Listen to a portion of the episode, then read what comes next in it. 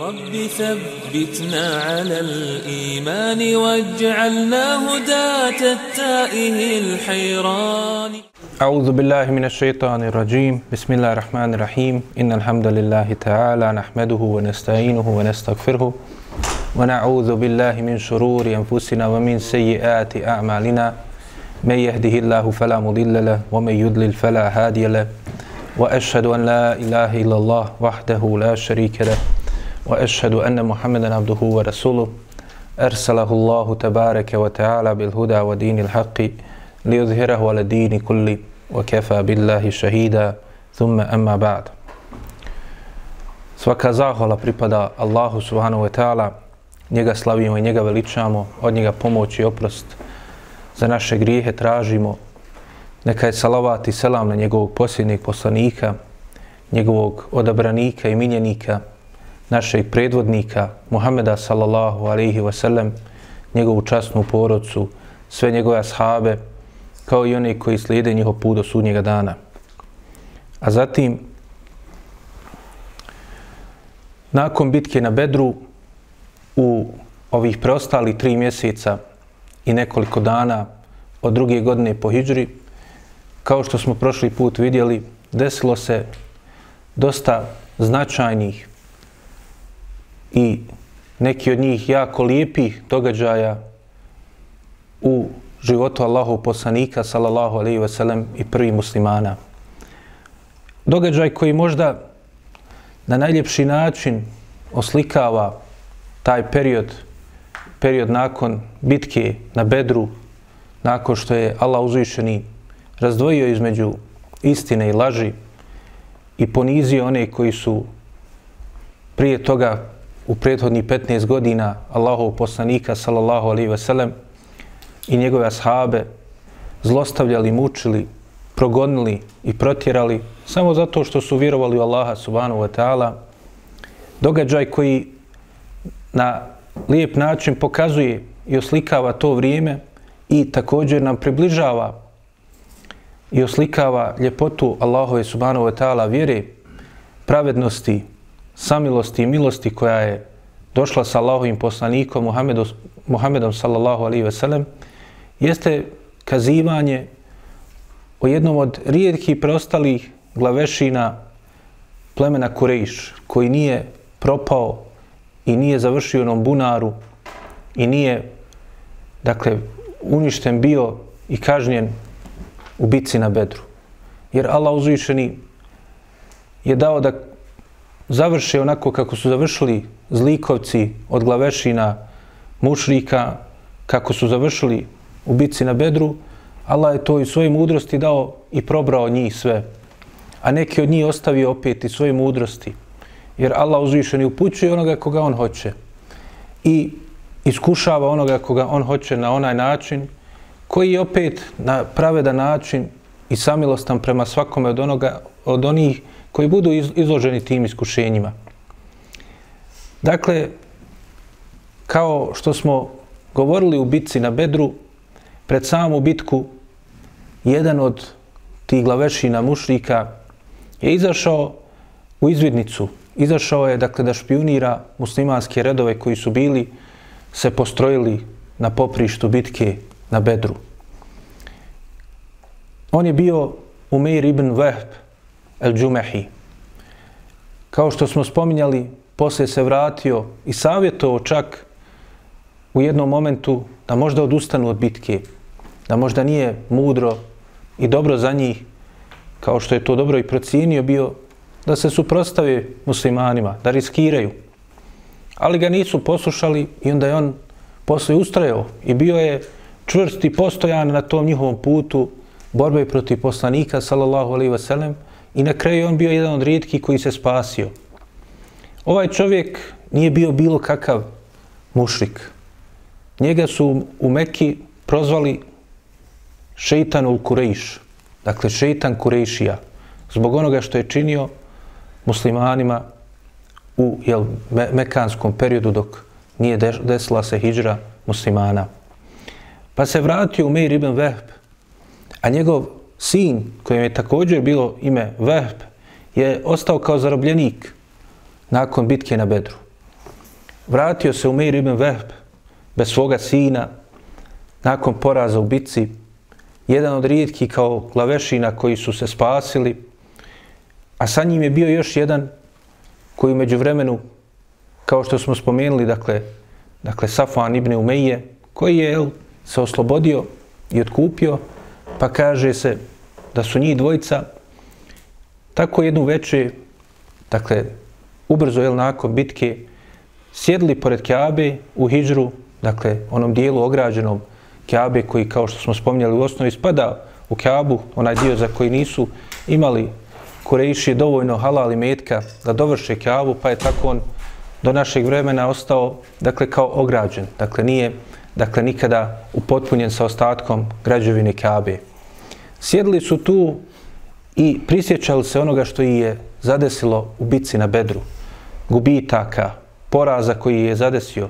Sjećali se svojih jerana koji su izgubili na poprištu bitke. Ebu Džehla, Ukbe ibn Ebi Muajta. I svi oni jel, koji su bili zajedno s njima u prvom safu borbe protiv Islama i Allahov poslanika, a istovremeno svi su oni bili velikani i uglednici u mekanskom društvu. Pa kaže se da je Umeir ibn Vehb rekao Safvanu ibn Umeji, kaže, doista nakon ovoga ne vrijedi više naš život. Sve smo izgubili. Poniženi smo, poraženi, izgubili smo svoje društvo, izgubili smo i metak. Ne vrijedi više ovaj naš život. Jer oni ne vjeruju da ima nešto poslije. Ne vjeruju drugi svijet. Dakle, sve što su imali, to je ovaj svijet. A izgubili su ga na poprištu bitke na Bedru. Pa kaže se dalje da je Safuan ibn Umeje onda rekao Umiru, da, slažem se sa tobom. Onda je nastavio svoj govor. Umir ibn Vehbi rekao, kaže, doista kaže da ne imam dugova koje već imam i zbog toga što ga je zadesilo i svi ti priprema i tako dalje. I da se ne bojim da će mi porodca ostati nakon mene siromašna, neće imati ko o njoj da brine, kaže, doista bi otišao sad i ja ubio Muhameda sallallahu alihi wasallam i završio sa ovom stvari. I onda je, kaže, nastavio još tiši malo glasom, rekao, a kaže, ne bi me u tome spriječilo ni to što mi je sin Vehb kao zarobljenik. Dakle, ispunio bi tu, dakle, misiju.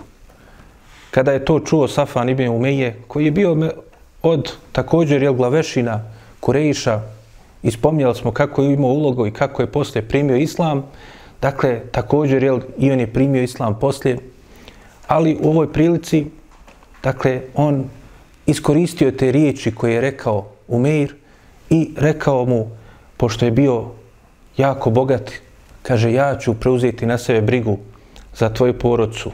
Kolike god imao dugove, ja ću ih vratiti za tebe. A ti da izvršiš to što si rekao.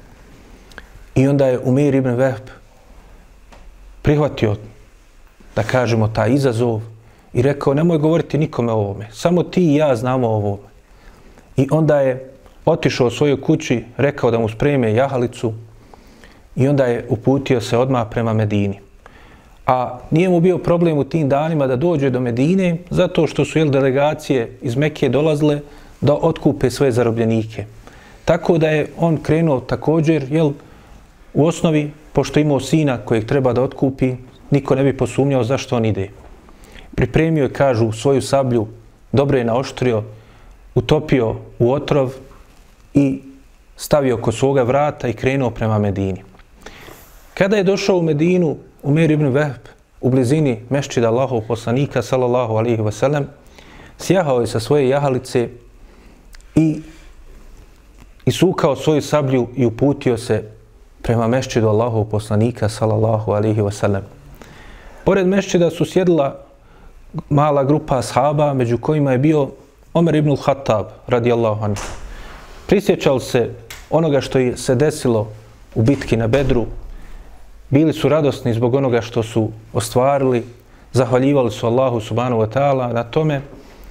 I tako su, dok su oni imali taj svoj razgovor, krajičkom oka, Omer ibn Khattab ugledao je Umeira ibn Vehba. A dobro je znao ko je on. Dakle, šeitan Kurejša sa isukanom sabljom ide prema mešćidu Allahov poslanika sallallahu alaihi wasallam. Pa kaže se, onda je Omer ibn Khattab rekao, kaže, doista onaj što ide, onaj pas, kaže, što ide, to je Allahov neprijatelj, Umeir ibn Vehb. I ne ide ni sa kakvim dobrom. I požurio je onda u mešćid Allahu poslanika, došao do Allahu poslanika, sallallahu alaihi wasallam i obavijestio ga je da je vidio Umeira ibn Vehba kako ide sa isukanom sabljom. Poslanik sallallahu alaihi ve sellem kada ga je Omer upitao šta da radi, šta da učini sa njim, rekao mu je pusti ga neka uđe, Omere. I kaže, otišao je Omer ibn al-Hattab radijallahu anhu, opet brinući o Allahovom poslaniku sallallahu alaihi ve sellem, ščepao je Umira ibn Vehba za njegovu odjeću i sukao svoju sablju, stavio mu pod vrat i onda ga takog poniženog doveo pred Allahov poslanika sallallahu alejhi ve sellem. Allahov poslanik sallallahu alejhi ve sellem rekao je: "Pusti ga, Omere." Kaže: "Neće on ništa, pusti ga." I pustio ga je Omer radijallahu anhu, a ovaj je tada već okačio svoju sablju oko vrata, kako je bila praksa jel kod njih da rade. Pa kaže, upitao ga je Allahov poslanik sallallahu alejhi ve sellem: "Šta te je dovelo o umire. Kaže on, pa kaže Allaho poslaniće, odnosno jel, o Muhamede, onda ga nazvao mu je njihov, dakle, džahilijetski e, pozdrav, dobro osvanuo o Muhamede, na što mu je Allaho poslanik, sallallahu alaihi ve sellem, odgovorio, kaže, mi imamo bolji pozdrav od toga, koji nam je Allah uzvišeni dao. Imamo selam. Ali Umeir, jel, u kojem je plamtilo dakle, bijes i želja da naudi Allahom poslaniku, sallallahu alaihi ve sellem, srce mu je ključalo od mržnje prema njemu, rekao je, nisi ti daleko od našeg pozdrava. Kao što često će i reći, jel, za neko ko se privati vjeri, nisi ti daleko da si radio razne druge jel, stvari, razne grijehe. Ali naravno nije mogao tako nešto reći Allahovom poslaniku, Muhammedu sallallahu alaihi ve sellem, nego kaže nisi ti daleko od tog našeg pozdrava. Dojuče si ga i ti koristio. Šta sad, odjednom sad si promijenio, pa ide, jel selam, pa ne može naš pozdrav i tako dalje. Pa kaže, Allahu poslanik, sallallahu alaihi ve sellem, je rekao, a šta si ti htio, o Umire? Kaže, Allahu poslanik, čel, o Muhammede sallallahu alaihi ve sellem, kaže, ti znaš da je moj sin zarobljen, pa došao sam da ukažeš mi, jel, dakle, dobročinstvo i da ga pustiš. Kaže, u redu to, Umeire, ali zaista, zašto si ti došao ovde? Kaže, ni zbog čeg drugog, samo zbog toga. A kaže, ta sablja oko tvog vrata, Umeire, kaže, ma to nije ništa, kaže, je nam koristila šta na bedru? Nije nam ništa pomogla ta sablja. Nema ona nikakvu svrhu. Kaže, rekao mu je Allaho poslanik, sallallahu alaihi ve sellem, o Umeire, zar nisi ti sa Safanom ibn Umejom sjedio u hijđru pored Kaabe prije nekoliko noći i rekli ste jedan drugom kako ste poniženi, poraženi, da nema svrhe vaš život i da si ti ponudio da ćeš da me ubiješ, ali imaš dugova, imaš porodcu koja će ostati za tebe, pa se Safvan obavezo da će on vratiti dugove i da će se brinuti o tvojoj porodci, pa si ti krenuo s namjerom da me ubiješ. Kada je čuo te riječi Umir ibn Vehb, potpuno se promijenio i rekao je Ešhedu enneke Rasulullah. Doista, kaže, svjedočim da si ti Allahu poslanik. Ulaž smo te utjerivali, govorili da ti ne dolaze vijesti sa nebesa i ne silazi objava od Allaha uzvišenog. Ali, kaže, ovaj govor i ovo što se desilo između nas, između mene i Safuana, niko nije znao osim on i ja. Pa kaže, to je samo može biti zato što si ti Allaho poslanik. I kaže, ešhedu an la ilaha illallah wa ešhedu enneke rasulullah. Svjedočim da si doista ti, svjedočim da doista nema drugog Boga koji zaslužuje istinski da se obožava osim Allaha i svjedočim da si doista ti Allaho poslanik. Pa je primio islam Umir ibn Vehb, radijallahu anhu.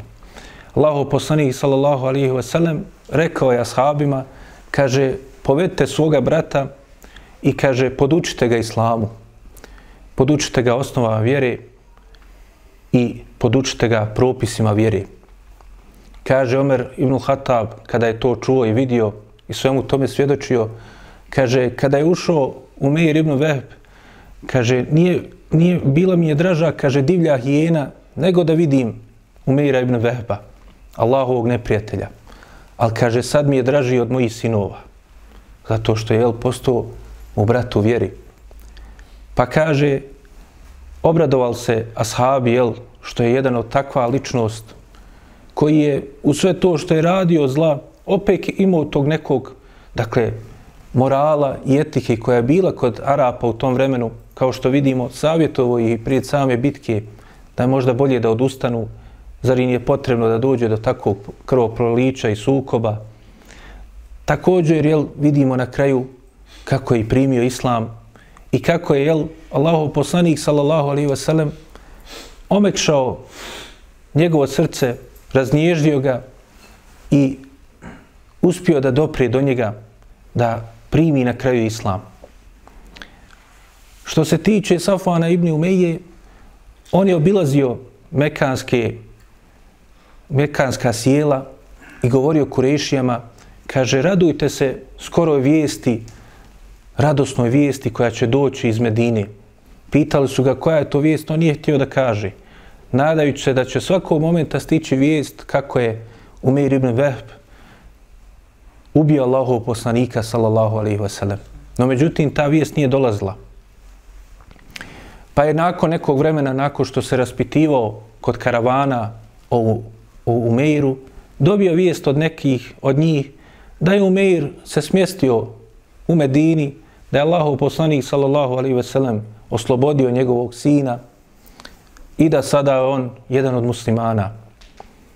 To je naravno kod Safana ibn Umeje, koji je jel, bio hatib Kurejš, Kurešija i mušrika, a kasnije bio hatib muslimana, izazvalo veliku, veliku dakle, tugu, ali istovremeno i veliki bijes zato što je tako jel, Umer postupio. Bio se zakleo da nikada više neće progovoriti sa njim. Što se tiče Umira, nakon nekog vremena, on je otišao Allahom poslaniku, sallallahu alaihi ve sellem, i zatražio od njega, kada se podučio dovoljno vjeri, da ga pusti da se vrati u Meku. Kaže, ja sam bio taj koji radio da se ugasi Allaho svjetlo, da se zatrne Islam i zatre njegov trag u Meki, pa pusti me sada da idem da pozivam stanovnike Mekke u Islam. I pustio ga Allahov poslanik, sallallahu alaihi wa sallam, i poslije kada je došao Safan ibn Umeji, naravno nije jedno vrijeme pričao s njim, ali poslije mu je pojasnio i objasnio zašto je uradio to što je uradio i šta mu se desilo, pa kaže se da su mnogi od stanovnika Mekke sebebom Umira ibn Vehba primili islam. Dakle, jedan od najvećih neprijatelja i boraca protiv islama, Allah je sebebom Allahov poslanika, sallallahu alaihi ve sellem, i to u momentu kada je došao sa jasnom namjerom da ga ubije, učinio ga jednim od daija pozivača u Allahovu subhanahu wa ta'ala vjeru i promijenio njegovo stanje da je bio jel, jedan od časnija sahaba Allahovog poslanika sallallahu alaihi wa sallam. Dakle, to je jedan od događaja koji se desio u ovom periodu. Dakle, nakon bitke na Bedru, pokazalo se i na ovom primjeru da je doista bitka na Bedru bila dan odvajanja istine od laži i dan promjene sveukupnog stanja u umetu i sveukupnog odnosa snaga između mušrika sa jedne strane i muslimana sa druge strane. Ali to ne znači da su prestala neprijateljstva. Pa tako u ovom kratkom periodu, dakle tri mjeseca koja su preostala od druge godine po Hidžri, desit će se u njima tri bitke u kojima jel, su muslimani morali da brane ponovo islam. Dakle, dešće će se šesta, sedma i osma bitka u životu Allahu poslanika i u istoriji islama. Prva bitka koja se desila, desila se već sedam dana nakon povratka Allahu poslanika sallallahu alaihi ve sellem u dakle e, u Medinu. početkom ševala, dakle u prvim tim danima, pošto su, nakon što su vidjeli kako je došlo i odvila se bitka na Bedru, dakle, plemena koja su živjela oko Medine, koju su činili većinom beduini, koje je u osnovi nije interesovala vjera, nego su imali svoje lične interese. Dakle, imali su svoje dakle, e, poslove koji su radili, koji su često bili dakle, zasnovane na nekim nepravdama, na razbojništvima, na putevima karavana i tome slično. Zato su jel, uvijek sa karavanama išle male te grupe naoružani ljudi koji su ih štitili. Pa su oni pobojali da će sada jel, se uspostaviti pravda, da će biti za, dokinuto to što su oni radili i njihove metode koje su praktikovali. Pa su oni posebno se onda okrenuli protiv muslimana i Allahov poslanika sallallahu alaihi ve sellem. A nisu oni bili jedini. Dakle, s jedne strane mušici su bili poniženi, ali drugi su se također jel, ohrabrili i želili što prije da se suprostaje muslimanima. Kao što ćemo vidjeti kod slučaja njihovog tada od tog momenta vođe glavnog koji je, da kažemo, naslijedio Ebu Džehla, a to je Ebu Sufjan, koji je također, kao što ćemo vidjeti, će poslije postati od muslimana, radijallahu anhu. Dakle, mnogi su želi da onda je u tom momentu dakle, da napadnu muslimane i povećao se broj neprijatelja. Dakle, i sami jevreji koji su imali dogovore sa muslimanima također počinju da dakle, prave spletke, da na neki indirektan način krše te sporazume i da pokazuju sve više otvoreno neprijateljstvo. Plemena oko, me, oko Medine, ta beduinska, također i oni se pripremaju. Mušici u Meki se regrupišu i oni također žele ponovo da napadnu. Znači, povećao se broj neprijatelja protiv istine i Allahov poslanika, sallallahu alaihi ve sellem. Prvi koji su jel, se ohrabrili i pripremili bili za borbu, su bili, dakle, jedno od tih beduinskih plemena, a to je pleme Benu Sulejm. Neki spominju, dakle, da je ova bitka se desila početkom treće godine e, po Hidžri, ali ispravnije da kada je to već na samom početku mjeseca Ševala, neki kažu sedmi dan mjeseca Ševala, dakle u prvim tim danima došlo je do bitke, dakle, odnosno trebalo je da dođe do bitke sa ovim plemenom. I zato se ta bitka zove Gazvetu Benu Sulejm. Dakle, to jeste bitka Benu Sulejm. Šta se desilo? Dakle, ovo pleme, kada je vidjelo kako se muslimani vratili sa pobjedom, kako se pročula vijest o njihovoj hrabrosti i junaštvima i viteštima i kako su ojačali, onda su se prepali za svoje interese i onda su se grupisali i odlučili da napadnu e, Medinu. Da oni, jel, napadnu poslanika, sallallahu alaihi veselem. No, međutim, poslanik, sallallahu alaihi veselem, je dobio vijesti o tome da će oni da to pokušaju da urade, pa kako je došlo u Siriju kod Ibn Hišama i u Tabekat od e, Ibn Sada se spominje da je također i drugo pleme koje će ponovo kasnije vidjet ćemo pokušati treće godine, pleme Gatafan, se s njima udružilo i želili su jel, da napadnu Medinu. Pa kaže poslanik sallallahu alaihi ve sellem odma jel, nakon što je se vratio u Medinu, nakon što je proveo samo nekoliko dana u njoj, nakon što je izgubio svoju čerku Rukaju, nakon što su muslimani imali prvi bajram u svome životu, dakle prvi ramazanski bajram, onda je on poveo grupu od 200 konjanika i uputio se prema dakle posjedima ovoga plemena. Da on je njih pred, e, preduhitri da dođe prije do njih, nego što bi oni napali Medinu. Kaže se da je kao svog zamjenika u Medini ima razilaženje kod učenjaka koga je ostavio neki spominju da je to bio Abdullah ibn Umi Maktum, dakle jedan od muezina Allahov poslanika sa sredem, kojih se često spominje u tom kontekstu zato što je bio slijep, a neki kažu da je to bio Siba ibn uh, Urfuta al-Gifari, radijallahu anhum. Dakle, također se kaže da je zastavu ili barjak Islama u toj bitci ponio Ali ibn Abi Talib, radijallahu anhum, pa kaže se da je ti 200 konjanika koji je predvodio Allahu poslanik, sallallahu alaihi ve sellem, došlo do jednog od bunareva na posjedu, dakle u blizini e, dakle Medine, u pravcu prema, e, kaže se prema Neđdu, to jeste područje današnjeg oblasti Kasim i prema Rijadu, dakle istočno od Medine, e, oni su imali jedan bunar koji se zvao bunar e, Kudr. i tu je poslanik sallallahu alaihi ve sellem uputio se prema njima.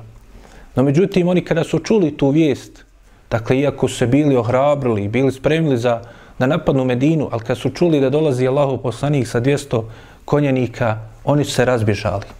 Tako da kada je poslanik sallallahu alejhi ve sellem došao do tog bunara Kudr, nije zatekao nikoga.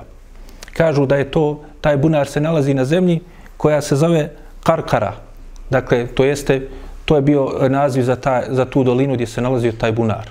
Gdje su oni čuvali svoje, dakle, deve i dovodili na ispašu. Pa kaže se, zbog toga da je jedan od naziva ove bitke, kaže gazvetu Karkaretul Kudr. To jeste e, da je to naziv bitke po tom mjestu gdje se to desilo. Dakle, neki misle da su imaju dvije bitke, pa možda ćete negdje naleti, da se spominju dvije različite bitke, ali u stvari to je jedna bitka bila. I u osnovi, kao što vidimo, nije ni došlo do bitke. Nego se desilo da kada su došli Allaho poslanih sallallahu alaihi sallam i njegove sahabi tamo, samo su da, zatekli neke od njihovih, dakle, čobana i zatekli su njihove, dakle, deve. To jeste, spominje se da je bilo 500 deva koji su zatekle tu. Pa je Allahov poslanik sallallahu alaihi ve sellem uzeo i koratni plijen te čobane koji su jel pripali onda ih je posle oslobodio, dakle nije ih uzeo kao e, i poveo kao robove i onda je dakle Allahov poslanik sallallahu alejhi ve sellem rasporedio to, dakle taj ratni plijen rasporedio je među dakle uh, ashabima nakon što je uzeo petinu, tako da je ostalo jel, 400 dakle, tih deva, dakle, vrlo vrijednog imetka u tom vremenu, vrlo skupog, tako da je svaki od tih konjanika dobio, jel, ashaba, dobio po dvije deve da povede sa sobom. Spominje se, jel, da je, dakle, poslanik, sallallahu alaihi sallam, sav taj period, pošto je on ostao nekoliko dana i čekao ih, dakle, ne bili se ovi pojavili, dakle, da se suprostavi Allahom poslaniku, sallallahu alaihi sallam, da je proveo tu, dakle, ukupno 15 dana e, i nakon toga se vratio u, u, u Medinu, Allahu poslanik, sallallahu alaihi ve sellem, sa svojim ashabima. Dakle, neki kažu isto, spominje se da je tu sproveo tri dana. Allah najbolje zna, dakle, uglavnom da je ostao, kao što smo spominjali kod bitke na Bedru, dakle, da je bila praksa poslanika sa Selem nakon svake bitke da ostane na poprištu te bitke, dakle, još tri dana, dakle, eventualno za nešto što će biti potrebno, jel? Ali, dakle, ukupno sav taj put i povratak, još neke poslovi koje Allah najbolje zna obavio u tom putu, pozivao neke od tih plemena, dakle, proveo ukupno 15 dana i onda se vratio u Medinu. U tom periodu, dok je Allahov poslanik, sallallahu alejhi ve sellem, bio odsutan iz Medine i također u tom periodu pred e, bitku na Bedru, dakle, nakon dakle, da kažemo, sklapanja sporazuma sa jevrejima, jevreji su odmah krenuli, dakle, da na neke načine, što bi rekli u našem vremenu, jel, traže rupe neke da prekrše te sporazume. Pa nisu želili da vrate, dakle, ensarima dugove koji su imali kod njih. Dakle, ili su pokušavali da ih varaju u trgovini. Pa bi govorili kada su kada bi došlo vrijeme da vrate neki dug, kaže, mi vama nismo ništa dužni vi ste primili islam i mi sa vama nikakvim kao muslimanima nismo imali, dakle, eh, da smo vam posuđivali pare ili tome slično. Dakle, to je sve prije bilo i to vam nismo dužni da vratimo. Također su počeli da, dakle, pričaju protiv Allahov poslanika, sallallahu alaihi veselem, da e, pravi pjesme o, protiv Allahov poslanika, sallallahu alaihi veselem. Spominje se također da su, kako se spominje slučaj jednog od njihovih predvodnika, Šasa ibn Kajsa, E, spominje se, iako je slaba predaja koja govori o njegovom slučaju, ali spominje se, dakle, i ona nam mora oslikati kako je bilo raspoloženje jevreja u tom periodu. Dakle, da je on, dakle, e, slavo mladiće, pošto je on bio starac, iskusni, koji je doživio ratove prethodne koji se dešavali među e, ensarijama, među stanovnicima Medine od Arapa, pa kada bi vidio pripadnike plemena Eus i Hazreć kao muslimane, kao ensarije, da se druže zajedno i sjede, poslao bi svoje mladiće koji bi ih podsjećali na prošle ratove, pa kaže, onda bi oni govorili, kaže, sjećate se kako su vaši ubili od ovih jednog od njihovih prvaka, pa bi onda podsjećali ih na stihove koji su nekada pjevali, pa i tako dalje, dakle, budili mržnju među njima. Pa bi nekada se desilo da se to i probudi. Dakle, da taj džahilijet, taj nacionalizam, dakle, to što je prijethodno bilo prije islama, da, se, da probudi se kod onih koji su jel, još bili friški u islamu i nisu bili odgojeni. Pa bi poslanik, sallallahu alaihi ve sellem, dolazio poslije i smirivao ih. Dakle, sve su to oni postepeno radili, dakle, i na indirektan način se suprostavljali Allahovom poslaniku i spletkarili protiv njega, širili mržnju i neprijateljstvo, ali, dakle, još uvijek nisu izašli direktno. Još uvijek ništa direktno nisu radili.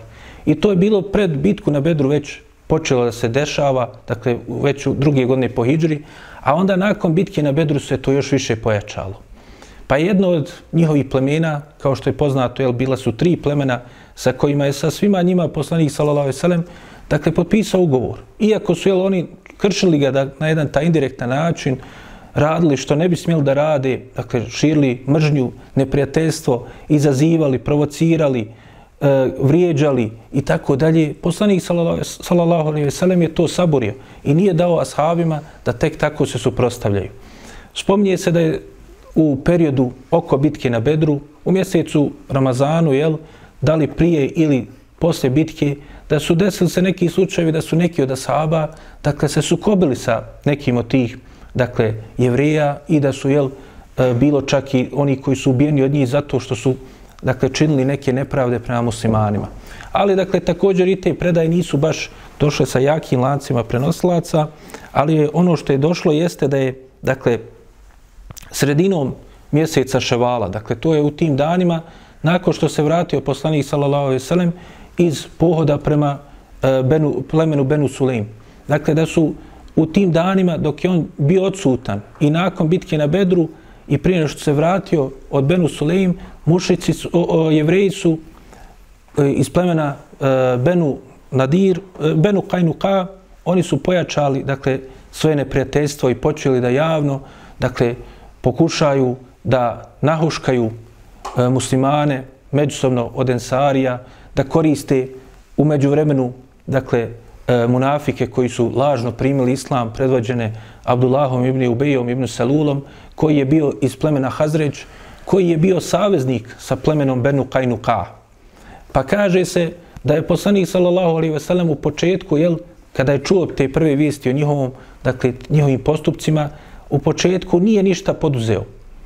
Čak se spominje u jednom hadisu kod Ebu Davuda, za kojeg kaže Ibn Hajar da je dobar, iako je, kako kaže Šej Albani, ima dakle, prekid u lancu pa je slab, ali se spominje da je otišao nakon bitke na Bedru, želeći da umiri dakle, te e, pripalice, pris, e, pripadnike plemena Benu Kajnu Kaj da ih podsjeti na ono što imaju od dogovora, ali da ih također i pozove da prime islam nakon svega što su vidjeli da se desilo mušicima u bitci na Bedru, rekao im je, kaže, o pleme Benu Hajnuka, zašto vi ne biste primili islam?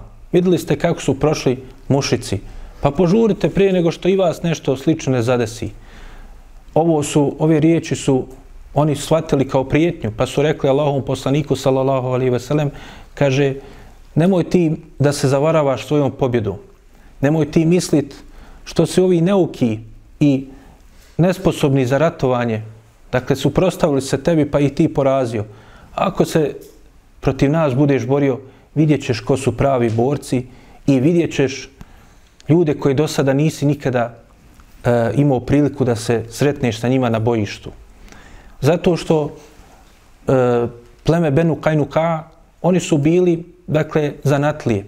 Bavili su se pravljenjem, dakle, i e, uobličavanjem zlata, pravljenjem nakita, Također kovali su, imali su kovače, kovali su sablje i bavili se trgovinom sa tim stvarima. Imali su svoju pijacu. Pa su oni imali dosta oružja i dakle bili su dakle vrlo sposobni u borbi, poznati po tome. E, nakon toga spominje se čak da je u tom kontekstu i da su objavljeni e, ajeti sa početka sure Ali Imran 12. i 13. ajet u kojem se govori o dvije skupine dakle koje se međusobno su, suprostavile Iako kažu učenjaci, e, mufesiri, da je da su ti ajeti od dvije skupine koju je jedna, dakle, porazla, ona koja se borila na Allahom putu, porazila ovu drugu koja je bila puno brojnija. Dakle, e, kažu da je u osnovi taj ajet također odnosi se i pod, da on predstavlja posjećanje na bitku na Bedru. Ali u svakom slučaju to ulazi u ovom kontekstu, u značenje ovoga, ovih ajeta.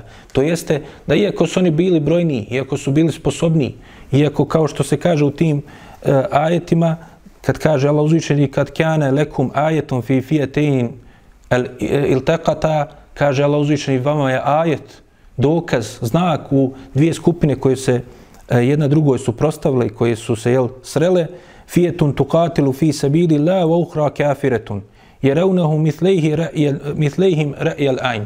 Kaže Allah uzvišeni, kaže skupina koja se borila na lavom putu i skupina nevjernička, koju kada ste ugledali, kaže, učinilo vas se da je ona duplo brojnija od vas. E, I kao što ćemo vidjeti otprilike, jel, to je bio neki odnos između uh, plemena Benu Kajnuka i uh, ashaba Allahu poslanika, sallallahu alaihi ve sellem. Pa kaže se da je između ostalog uh, jedan od povoda da je došlo do direktne bitke bilo to što su oni direktno i otvoreno učinili neprijateljstvo i kršenje ugovora koji su potpisali sa Allahovim poslanikom sallallahu alaihi veselem. I to je sigurno i bilo tako. No međutim, kazivanje koje je poznato oko toga e, ima svoje slabosti. Dakle, uh, hadisi koji govore o, toga, o tome, koji bilježe i Ibnu Hišam i Ibnu Kethiru Bidajlu i Nihaje, spominje se, jel, uh, kao što kaže Šeh Albani i drugi, e, prekinutim lacem prenosilaca, da je jedna od žena, muslimanki, otišla na njihovu pijacu, koja je žela da proda nešto od svoje robe pa da posle kupi od njih dakle, tog zlata kojeg su oni prodavali i drugih stvari. Pa kaže, otišla je kod jednog jel, njihovog tog štanda, a onda su se jevreji okupili oko nje i tražili od nje da dakle, skine svoj hijab, to jest da ukaže se, da pokaže svoje lice. No ona nije, nije željela da to uradi. Pa su ovi, dakle, muž, jevreji se okolo nje skupili i smijavali sa njom, tako da je jedan onda od njih, kaže, stavio svoju nogu na njen, dakle, e, hijab, dakle, na njenu, dakle, e, odjeću, tako da kada je ona se po, pošla da krene, povuko ga je, jel, i tako da se ukazalo nešto od, njenog, od njenih avreta. A onda je jedan od muslimana koji je to vidio prišao i ubio ovog jevreja koji je tu radio. Pa su onda ostali jevreji navali na njega i onda ubili oni njega. Pa je Allahu poslanik sallallahu alaihi ve sellem kada je obaviješten o tome, dakle to je, iako je slaba, e, dakle e, ovaj hadis koji govori o ovome, ali dakle u svakom slučaju, dakle bio je neki sličan povod zbog kojeg je poslanik sallallahu alaihi ve sellem odlučio dakle da dođe i da se suprostavi ovom plemenu. Dakle nije on prvi prekršio dakle e, dogovor nego su oni prvi prekršili kao što će poslije i ostala dva, dakle, jevrejska plemena sama da prekrše dogovor koji su sklopili sa Allahovim poslanikom, sallallahu alaihi wasallam. Pa kaže se onda da je Allahov poslanik, sallallahu alaihi wasallam dakle, došao, dakle, poveo 200 također ponovo, E, dakle, e, vojnika sa sobom i došli su, dakle, da se suprostavi, dakle, ovim jevrejima. Došli su do njihovih dakle, tih posjeda koji se nalaze u blizini, dakle, mjesto gdje su o, oni poravili, se nalazi u blizini, dakle, sadašnjeg, dakle, e, e mjesta, dakle, gdje je Allahov, pos, mešćid Allahov poslanika, sallallahu alaihi veselem, da kažemo malo zapadno, ima sada tu blizu se nalazi, dakle, poznata e, mešćid kao mešćid Bilala, dakle, e, u blizini je mešćid Allahov poslanika, sallallahu alaihi veselem, i tu su bili posjedi, dakle, ovoga plemena. A oni su tu imali, dakle, pošto je to pripadalo dakle, tim padinskim dijelovima od tih stijena koje okružuju Medinu, oni su tu sel bili, dakle, utvrdili imali svoje utvrde, imali su svoje, dakle, kule. Tako da je, dakle, bilo, dakle, bili su se odmah utvrdili kada su čuli da dolazi Allahu poslanik, sallallahu alaihi veselem. Spominje se da je njih bilo oko 700, dakle, pristalica ovog plemena i vojnika koji su bili u njima.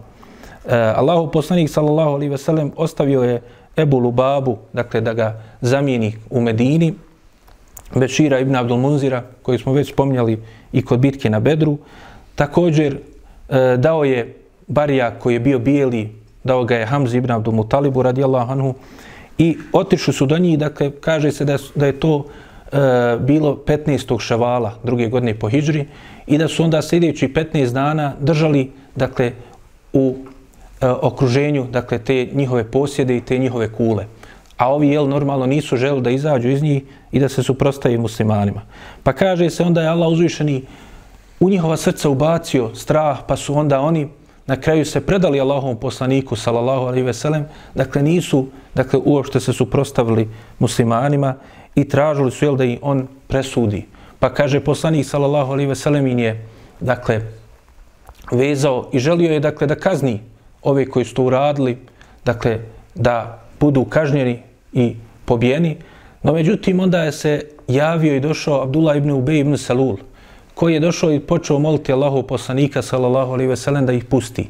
Pa je rekao da su oni bili u saveznici njegovo pleme Hazreć, pa je onda došao poslaniku sallallahu alejhi ve sellem kada je poslanik sallallahu alejhi ve sellem se okrenuo od njega, došao kaže i počeo je da poslanika sallallahu alejhi ve sellem prati i da mu to ponovo ponavlja. No međutim poslanik sallallahu alejhi ve sellem se nije dakle obazirao na to. Pa onda nakon toga kada je vidio da ne, ne ide mu ta metoda, onda je ufatio poslanika, sallallahu alaihi ve sellem, za njegov oklop i stavio svoju ruku u džep njegovog oklopa i počeo govoriti Allahom poslaniku da ih pusti, da bude, dakle, da, da ih oslobodi, da on ima, jel, dakle, veze sa njima, pa onda bi, jel, radi njega trebao da ih pusti.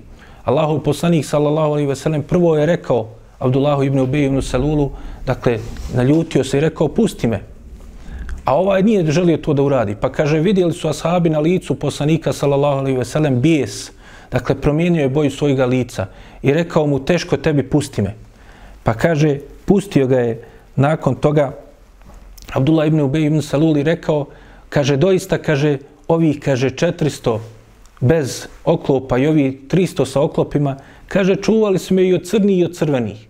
Dakle, oni su mi pomogli u mnogim sukobima i bili moji saveznici. Misleći na ti 700 zarobljeni, pa kaže, e, pusti ih meni. Pa je poslanik, sallallahu alaihi veselem, i pustio. Ali onda odredio u Badu ibn Samita, radijallahu anhu, da, dakle, protjera, dakle, sve pripadnike plemena Benu Kajnu Ka iz e, Medine, da odu sa svojim, jel, ono osnovnim stvarima i sa svojim porodcama da odu iz Medine i da odu prema Šamu. Dakle, da se odu u potpunosti sa arapskog poluotoka.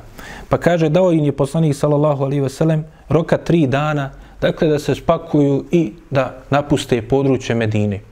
Pa je odredio Ubadu ibn Samita radijelo Anu da provede tu njegovu naredbu.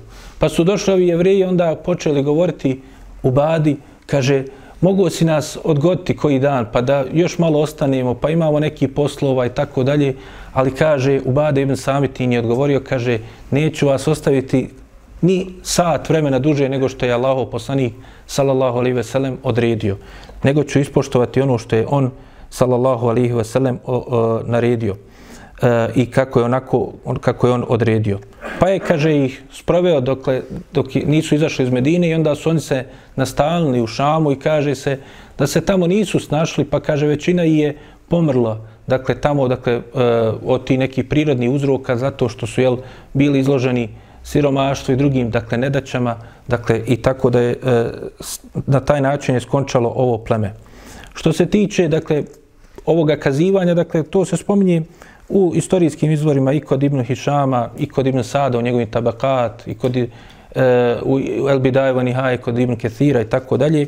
A kod Buhari i muslima nam je došao hadis u kojem Abdullah ibn Omer potvrđuje ovo, dakle da su oni bili protjerani iz Medine, kao i za ostala plemena, jer se kaže da je, kaže, poslanik sallallahu alaihi ve sellem protjerao, dakle, i pripadnike plemena Benu Nadir i Benu uh, Kurejza, nakon što su, kaže, oni se suprostavili poslaniku, sallallahu alaihi veselem. Pa, kaže, ostavio jedno vrijeme pleme Benu Kureiza. Pa, kaže, i onda su se i oni suprostavili, pa je onda i, oni, i njih protjerao.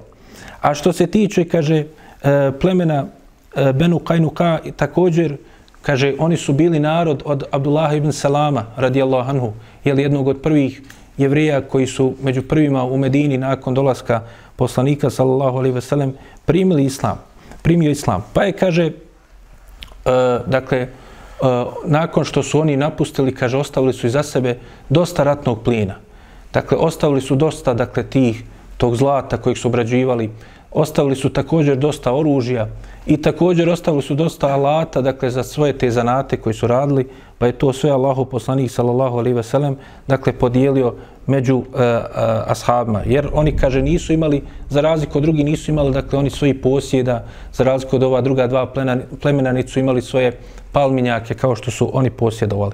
I uh, Muhammed ibn Mesleme, radijelo Anu, je bio taj koji je bio zadužen od Allahu poslanika, sallallahu alaihi ve sellem, da to rasporedi među ashabima. E, sljedeća bitka koja se desila ubrzo nakon ove jeste bitka koja se zove Gazvetu Sevik. Bitka Sevik e, se desila petog dana mjeseca Zul Hidžeta. Dakle, neki mjesec i nekoliko dana nakon ove bitke, dakle, Ebu Sufjan koji je postao vođa mušika u Meki, on se, kaže, e, zakleo da, kaže, neće se, kaže, kupati od, a ovo je vrlo važno da primijetimo, kaže, neće se kupati od džunupluka sve dok ne porazi muslimane i osvijeti se Allahom poslaniku sallallahu alihi wasallam. E, pa se kaže, jel, ovo zašto je zanimljivo što je rekao džunupluka? Zato što, kaže, ukazuje, dakle, da su oni znali šta je džunupluk. Dakle, to jeste, e, oni su, dakle, isto onako kako je u islamu došao taj propis i oni su ga praktikovali. Kao što kaže imam Suhejli, u svome dijelu Raudul Unuf, koji govori o životu Allahu poslanika, sallallahu alaihi veselem, kaže, to je Allah najbolje zna njima ostalo od vjere Ibrahima i njegovog sina Ismaila. Da su, jel, nakon što bi imali odnos sa ženama, dakle, e, također se kupali. Dakle, i održavali na taj način čistoću. E, ali nisu znali šta je abdest. Pa zato ćemo, kaže, vidjeti u ajetima u suri El-Maide koji govori ova dva propisa, dakle, Abdest se detaljno opisuje, dakle, kako se uzima abdest. Ali nećemo naći da je, dakle, detaljno opisano kako se uzima, dakle, gusul od džunupluka. Zato što Allah uzvičeni kaže wa in kuntum džunuben fetahiru. Kaže, i ako budete džunupi, kaže, očistite se. Zato što su oni znali kako, to jest da se okupa jel, i operu čitavo tijelo. Za razliku od uh, abdesta jel, koji je detaljno poslije u, ajetu, u istom tom ajetu dakle, opisan. Dakle, kada se govori o džuvnupliku i uh, abdestu. Pa kaže se petog dana mjeseca Zulhidžeta, druge godine po Hidžri, kaže se da je uh, desila se ta bitka. Kako se ona desila? Kaže se da je dakle, Ebu Sufjan poveo 200 dakle, konjanika iz e, Mekke od Kurešija i došli su dakle e, u Medinu sa dakle e, također sa istočne strane i kaže došli su na posjede kaže koji se zovu e, Arid el, ili Ureid gdje su bila jel dakle ti palminjaci i gdje je bilo također dakle e, e, stada od muslimana a također i od jevreja. Pa su otišli kod Benu Nadir, dakle drugog jevrejskog plemena, dakle želi su da onaj vide s njima da se posavjetuju kako da napadnu muslimane. Pa Huje ibn Ahtab, koji je bio predvodnik plemena Benu Nadir, nije želio da ih primi, nije želio da riskira u tom momentu. Kaže, nije otvorio vrata kada mu Ebu Sufjan kucao i pravio se kao da ga nema. Pa je onda otišao eh, Ebu Sufjan kod drugog jednog od eh, predvodnika ovoga plemena koji je bio njihov rizničar i kod kojeg je bila njihova riznica, a to je Salam Ibnu Miškem. Salam Ibnu Miškem je primio, kaže, iznio im je vino, pa su posjedili, pa im je objasnio i upoznao sa kretanjima u Medini. I onda je, kaže, sljedeći dan e, Ebu Sufjan, kaže, poslao jednu malu svoju grupicu iz tog, iz te, e, dakle, e, jedinice koja je došla sa njim, poslao je, kaže, do ovog mjesta u Reid, gdje su oni, kaže, uzeli pa popalili palminjake, posjekli palme, ubili jednog ensariju koji je tu bio sa stadom i njegovog saveznika i onda su, kaže, e, otišli sa tog mjesta. Kada je poslanik, sallallahu alaihi veselem, dakle, tog petog dana Zulhidžeta to čuo, dakle, odma je poveo sa sobom grupu opet od 200 ashaba koji su požurili, dakle, da dođu, dakle, to je pred samim izlazom iz Medine, dakle, nije u samom gradu, i, dakle, da e, sustignu Ebu Sufjana i ovu grupu. No međutim, Ebu Sufjan i ovi njegovi 200 junaka su se dali u bijeg. Dakle, nisu čekali Allahu poslanika, sallallahu alaihi ve sellem, da mu se suprostave, nego su se, kaže, dali u bijeg. I kako su oni bježali ove kukavice, da su, kaže, pošto su ponijeli jel, sa sobom na svojim tim jahalcama, ponijeli su također i na svojim tim konjima, ponijeli su hranu. Dakle, koja je bila potrebna za taj put između Mekke i Medine. Nije to mal put, posebno u njihovom vremenu. 400 i nešto kilometara. Pa kaže, ponijeli su dosta, kaže, pšenčnog, dakle, brašna. I ona se u osnovi u arapskom zove sevik. Pa kaže, imali su to, dakle, u raznim, dakle, tim kožnim posudama, dakle, to brašno, i da bi ubrzali te svoje konje, da bi što prije mogli da pobjegnu, kaže, počeli su da bacaju, dakle, e, e, te, dakle, tu hranu koju su nosili sa sobom, te, dakle, posude u kojima se one nalazile. Pa su, kaže, ashabi Allahov poslanika, sallallahu alaihi veselem, kada su došli, a spominje se također da su našli to većinom kod ovog prethodno spomenutog, dakle, e, bunara El Kuder, dakle, našli su, dakle, dosta bačanih ti, dakle, e, zavežaja sa tom hranom, u kojem većinom bilo to pšenično brašno, pa su zbog toga, kaže se, i prozvala ova bitka Gazvetu Sevik, zato što su muslimani našli dosta jel, brašna koje je bilo veliko, veliki metak u tom vremenu i nije ga bilo puno, pa kaže, dakle, uzeli su veliki ratni plijen, iako u osnovi jel, nije bilo nikakve bitke, niti je bilo nekog suprostavljanja. I također je Allah poslanik sa Vasalem u toj bitci dakle, e, zamijenio kao svog zamjenika, e, stavio e, u e, dakle, e, Medini Ebu Lubabu, a kaže bio je odsutan otprilike pet dana iz, iz Medine. Dakle, bitka je bila petog Zulhidžeta, Allahov poslanik sallallahu alaihi ve sellem se u Medinu vraća desetog e, Zulhidžeta, to jeste vraća se za Bajram. Prvi, nakon prvog Ramazanskog Bajrama, dolazi prvi kurbanski Bajram. Pa kaže Allahov poslanik sallallahu alaihi ve sellem, kao što kaže e, imam Taberi u svojoj istoriji, kaže, prvi put je Allahu poslanik sallallahu alaihi ve sellem izašao da klanja kurbanski bajram i da kalje kurbane. Dakle, to je bio prvi, prvi put da su muslimani vidjeli klanje kurbana. Kaže poslanik sallallahu alejhi ve sellem, izašao su na musalu zato što je što je suneta da se dakle na musali, dakle ne u džamijama, klanja na otvorenom, dakle e, bajram.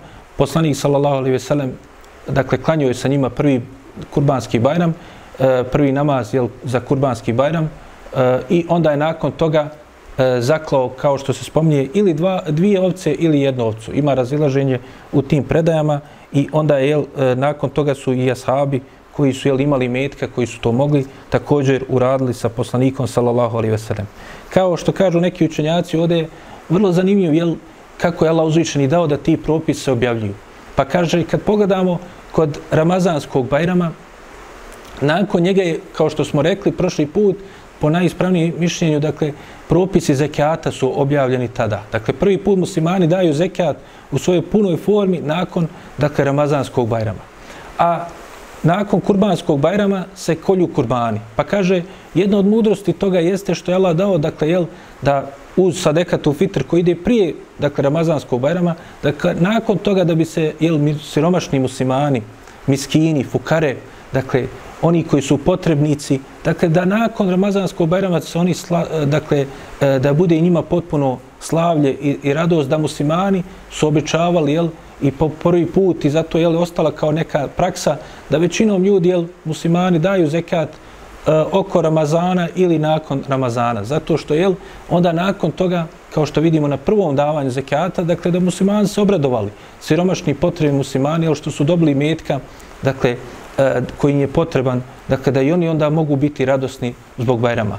A nakon kurbanskog Bajrama, jel, kolje se kurbani, pa da se dili također jel, to meso od kurbana i između ostalog jel, i siromašnim i potrebnim muslimanima da bi se jel, potpinulo e, eh, dakle, slavlje također. E, u, od propisa koji su vezani, koje treba napomenuti vezano za klanje kurbana, koji ćemo vidjeti čak i u našem vremenu neki e, to negiraju i suprostavljaju se tom jasnom propisu koji je došao u e, sahihu muslimu, dakle u muslimu izbijeci hadisa, da je poslanik sallallahu alaihi ve sellem, dakle onome koji bi želio da kolje kurban, rekao da ne treba dakle, da sjeće svoje nokte, niti da krati dakle, dlake na svome tijelu nakon što je jel, nastupi prvi deset dana Zulhidžeta, ako je on taj koji će jel, da kolje kurban. Dakle, to je od suneta Allahov poslanika, sallallahu alaihi ve sellem, i to je njegova naredba, koju jel, nema logike dakle, da se suprostavlja, iako ljudi kažu da to kao nije to u redu, nije razumski prihvatljivo, ali dakle, to je jasan sunet Allahov poslanika, sallallahu alaihi ve sellem. Zadnja stvar koja se desila ovim zadnjim danima i time ćemo inšala završiti za večeras, dakle u drugoj godini po Hidžri jeste da je jedan od prvih muslimana Usman ibn Med'un radijallahu anhu preselio. Kao što kaže Hafiz ibn Hajar, dakle, on je bio prvi, dakle, muhađir koji je preselio u Medini i, dakle, prvi koji je ukopan od muhađira u Bekiji. Dakle, bili oni koji su preselili na Bedru, ali oni nisu preselili u Medini. Dakle, i niti su ukopani e, na Bekiji. dakle, nego su ukopani, dakle, e, na Bedru. Pa tako, dakle, kaže Usman ibn Mez'un, koji je bio jedan od prvih muslimana, spominje se da on 13. koji je primio, ili, e, dakle, da je 13 prije njega primilo islam, dakle, dođe 14. po redu koji je primio e, islam, e, onaj koji je učinio hijđru i u, u Habešu, kao što smo spominjali, u Abesiniju, kako se posle vratio nakon prve hijđre, kada su mislili da su Kurešije primile islam, pa onda posle učinio hijđru u Medinu, također on je bio taj dakle, koji je bio od učesnika bitke na Bedru i nakon toga se razbolio pa je preselio radi Allahu anhu. Ovaj ashab, dakle, nije bio tek tako, jel, jedan tek od ashaba, jer između ostali vrijednosti spominje se da je on bio taj koji je čitavu noć bi provodio namazu, a danju postio. Čak da je poslaniku, sallallahu alaihi veselem, kako je došlo u hadisu kod Buharije, tražio čak da se ne ženi. To jeste, tražio je, dakle, da ga oslobodi od toga, dakle, da E, postane jel e, e, da isposnik, to jeste da se posvijeti potpunosti ibadetu, da dakle svo vrijeme svoje posvijeti Allahu subhanahu wa ta'ala, pa mu to poslanik sallallahu alaihi wa sallam nije dozvolio. E, od vrijednosti njegovi, uz ovo sve spominuto, spominje su u hadisu kod Buhari da kada je on preselio radi Anu, kaže jedna žena pod imenom Umu Ala, kaže usnila je san, pa kaže vidila sam, kaže da Osman ima, kaže, e, izvor koji stalno teče. Pa je upitala Allahu poslanika sallallahu alaihi ve sellem o značenju e, dakle tog sna, pa mu je pa je e, Allahov poslanik sallallahu alaihi ve sellem rekao to je Allah najbolje zna, kaže da on ima neko dobro koje dakle stalno dakle traje, dakle kao neka trajna sadaka. Hafiz ibn Hajar u tumačenju ovog hadisa u Sahih Buhariju spominje dakle više mišljenja šta bi moglo to biti. Pa kaže, Allah najbolje zna moguće, dakle da je on uradio neko dobro, pošto je bio od bogatija sahaba, u sav taj svoj badet, bio među bogatijima sahabima. Pa kada je da je neko uradio veliko dobro i ostavi za sebe, koji nama nije jel, e, prenešeno koje je tačno. A neki kažu da bi moglo biti to da se odnosi na hadis koji je došlo kod Ebu Davuda i također kod imama Ahmeda ibn Hibana u njegovom sahihu, da kaže onaj koji stražari na Allahom putu, pa na tom putu, jel, kaže, prestali, kaže, njemu se, kaže, ne prekidaju dijela do sudnjega dana. Dakle, i da je on siguran, kaže, od fitne u kaburu. Dakle, zato što je on bio jedan od tih koji su, dakle, bili među stražarima i, i borcima na Allahovom putu i koji su bili uz Allahov poslanika, sallallahu alaihi veselem, u svom tom vremenu. Radi Allahu anhu. Ovdje ćemo išala zastati, molići Allaha subhanahu wa ta'ala da nam poveća ljubav prema Allahovom poslaniku, sallallahu alaihi veselem, da nas učini od njegovih istinskih sljedbenika, da popravi naše stanje, da nam se smiluje, oprosti grijehe, da nam pomogne i olakša u ovim vremenima, da pomogne i muslimanima na svakom mjestu, da im olakša da izliječi bolesni od muslimana, da pomogne onima koji su nemoćni i koji su potlačeni. Molimo ga Subhanahu wa ta'ala da se smiluje i nama i našem narodu, da nas sve uputi na pravi put. Amin. Subhanike Allahume bihamdike. أشهد أن لا إله إلا أنت أستغفرك وأتوب إليك يا رب ثبتنا على الإيمان واجعلنا هداة التائه الحيران